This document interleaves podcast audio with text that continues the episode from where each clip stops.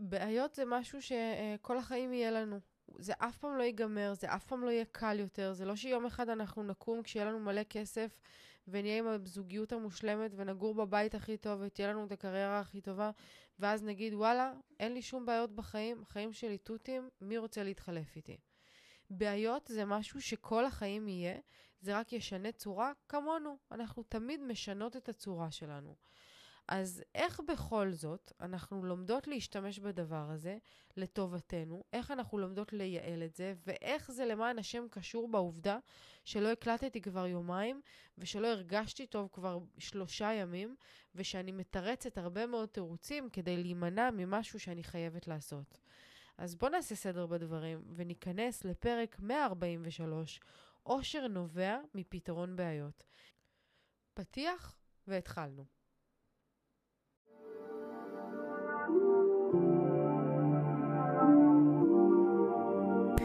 ברוכות הבאות יקירותיי לפודקאסט אימפרית אימהות בצמיחה. כאן אנחנו מדברות תודעה, אהבה ואמת, בשילוב עם כל השיעורים והניסיונות והקשיים שאנחנו עוברות בדרך, הן באימהות והן בחיים בכלל. אז רגע לפני שאנחנו מתחילות, תפתחו את הראש, תנקו את המחשבות ותהיו מוכנות לצלול פנימה. הנה זה בא.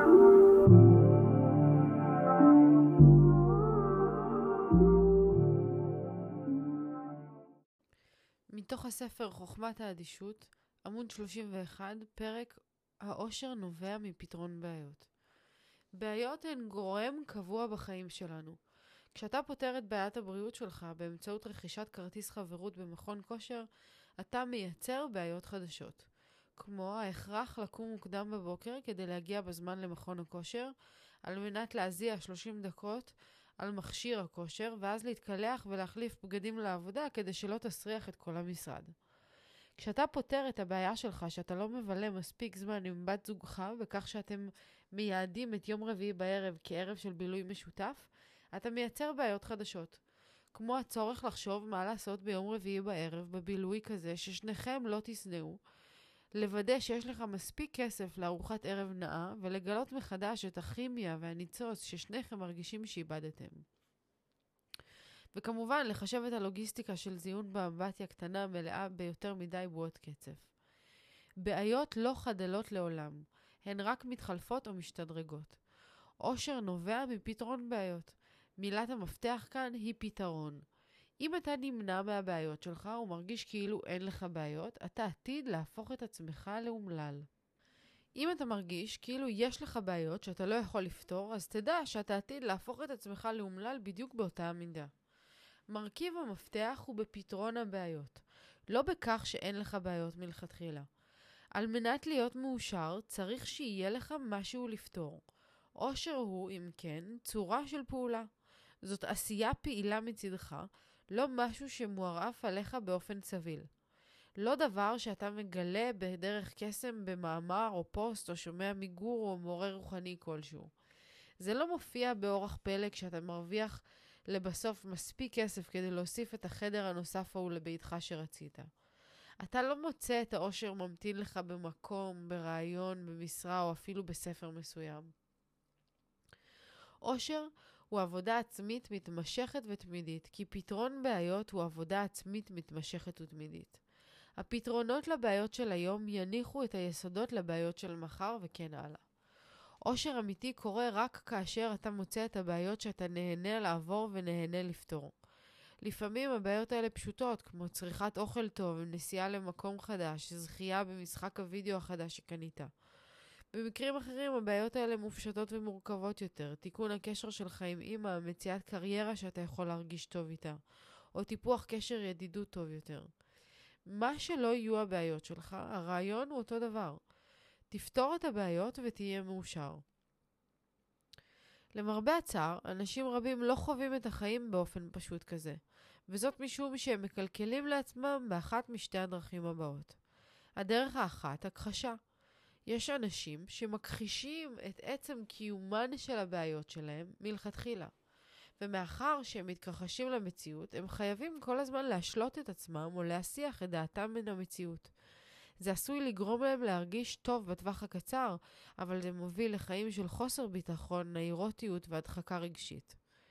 2. מנטליות של קורבן.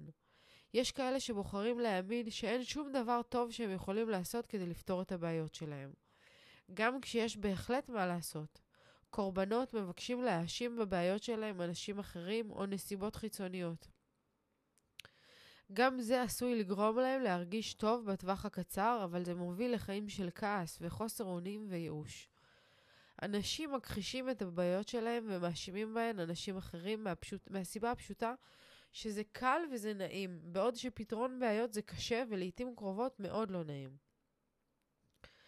צורות שונות של האשמה והכחשה נותנות לך הקלה וסיפוק קצרים ומהירים. זאת דרך לברוח זמנית מהבעיות שלך, והבריחה הזאת יכולה לתת לך סיפוק מהיר שגורם לך להרגיש טוב יותר. סיפוקים וריגושים יכולים לבוא בצורות רבות, בין שזה חומר משקר כמו אלכוהול, תחושת הצידוק העצמי המוסרי שנובעת מהאשמת אחרים, או הריגוש שבהרפתקה מסוכנת חדשה. ריגושים וסיפוקים מסוג זה הם דרכים שטחיות ולא מועילות לנהל את החיים. חלק גדול מעולם העזרה מבוסס, מעולם העזרה העצמית מבוסס על מכירת ריגושים מהירים לאנשים במקום להציע פתרון בעיות אמיתי ולגיטימי. גורואים רבים של עזרה עצמית מלמדים אותך צורות חדשות של הכחשה ומפמפמים לך תרגילים שנותנים הרגשה טובה בטווח הקצר, תוך התעלמות מהבעיות שמתחת לפני השטח. זכור, לאדם מאושר באמת אין שום צורך לעמוד מול המראה ולומר לעצמו שהוא מאושר. ריגושים וסיפוקים יוצרים התמכרות. ככל שאתה מסתמך עליהם כדי להרגיש טוב יותר ביחס לבעיות המקננות אצלך מתחת לפני השטח, אתה עתיד לחפש אותם יותר. במובן הזה, כמעט כל דבר יכול להפוך לממכר, תלוי במוטיבציה מאחורי השימוש בו. לכל אחד יש שיטות נבחרות משלו להקהות את הכאב של בעיותיו, ובמינונים מתונים אין בכך כל רע. אבל ככל שאתה מוסיף להימנע, וככל שאתה מוסיף להקהות, זה יהיה כואב יותר כאשר תתעמת לבסוף עם הבעיות. הפרק הזה זה אחד מהפרקים uh, שאהבתי ביותר uh, בספר חוכמת האדישות, שבאמת, כמו שאמרתי, הגיע לידיים שלי לפני משהו כמו שנה. בהמלצה של חבר קרוב.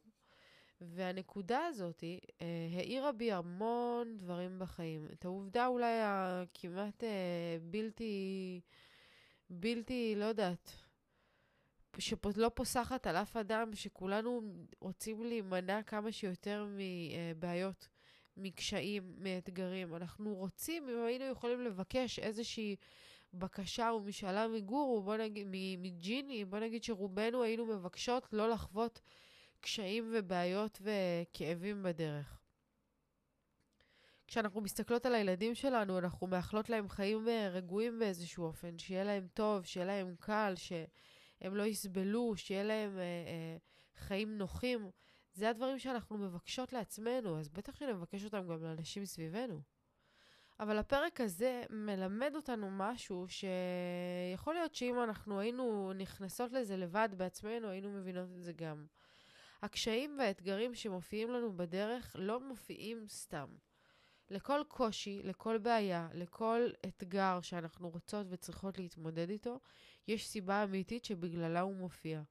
אנחנו צריכות את האתגרים האלה, אנחנו צריכות את הבעיות האלה כדי להרגיש טוב יותר, כדי להרגיש את תחושת האושר הזאת שאנחנו רוצות למצוא. אושר לא מגיע ככה סתם, הוא לא נמצא שם ברחוב ונותנים לנו לאסוף אותו. אושר הוא תוצאה של דברים שמתרחשים בחיים שלנו, ולפי מה שמרק מנסון אומר פה וטוען בספר, אושר הוא תוצאה של פתרון בעיות.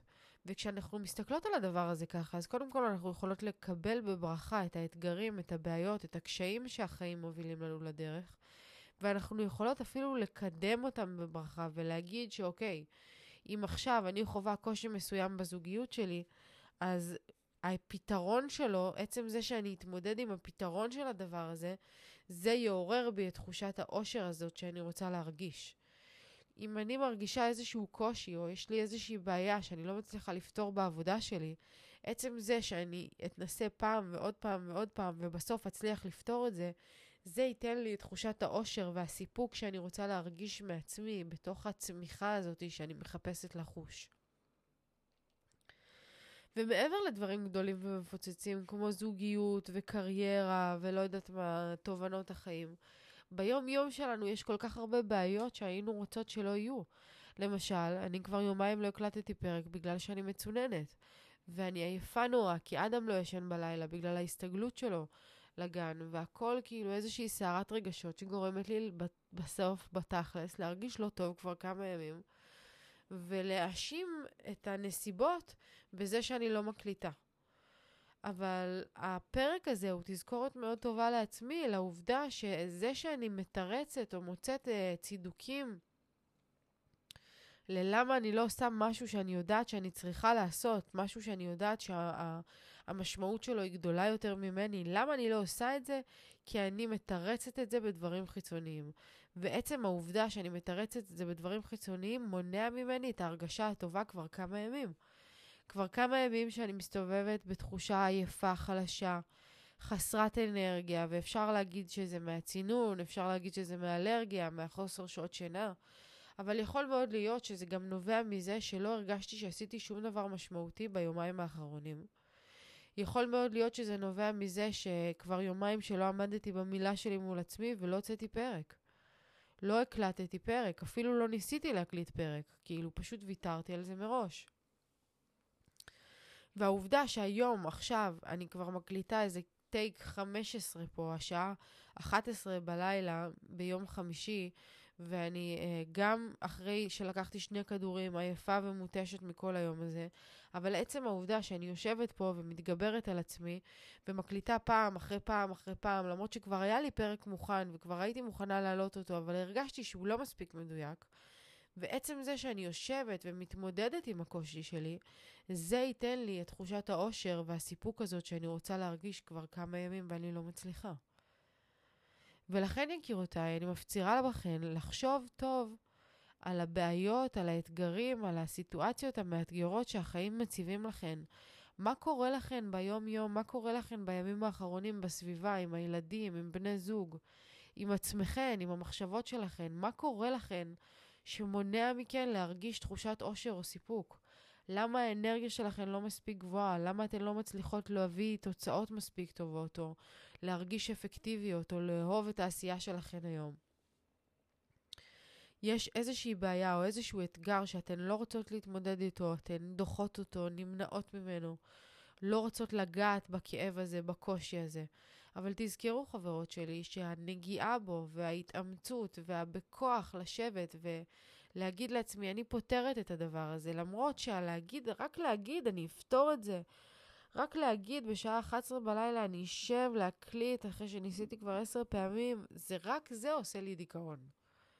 אבל הנה עכשיו, אני כבר לקראת סוף הפרק, אני מרגישה פרק מדויק, חזק, טוב, שנתן לי הרבה ערך, ואני יודעת שהוא ייתן גם לכן הרבה ערך. עצם הדבר הזה מייצרת, לי, מייצרת אצלי תחושת גאווה סיפוק ושמחה מאוד גדולה.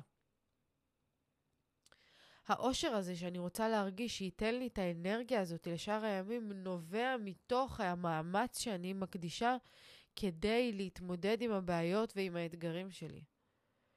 כשאני משתפת אתכן בחמישה ימים האחרונים בכל ההסתגלות של אדם ובכמה קשה לי עם זה, עצם ההתמודדות שלי עם הבעיה מייצרת אצלי את תחושת האושר.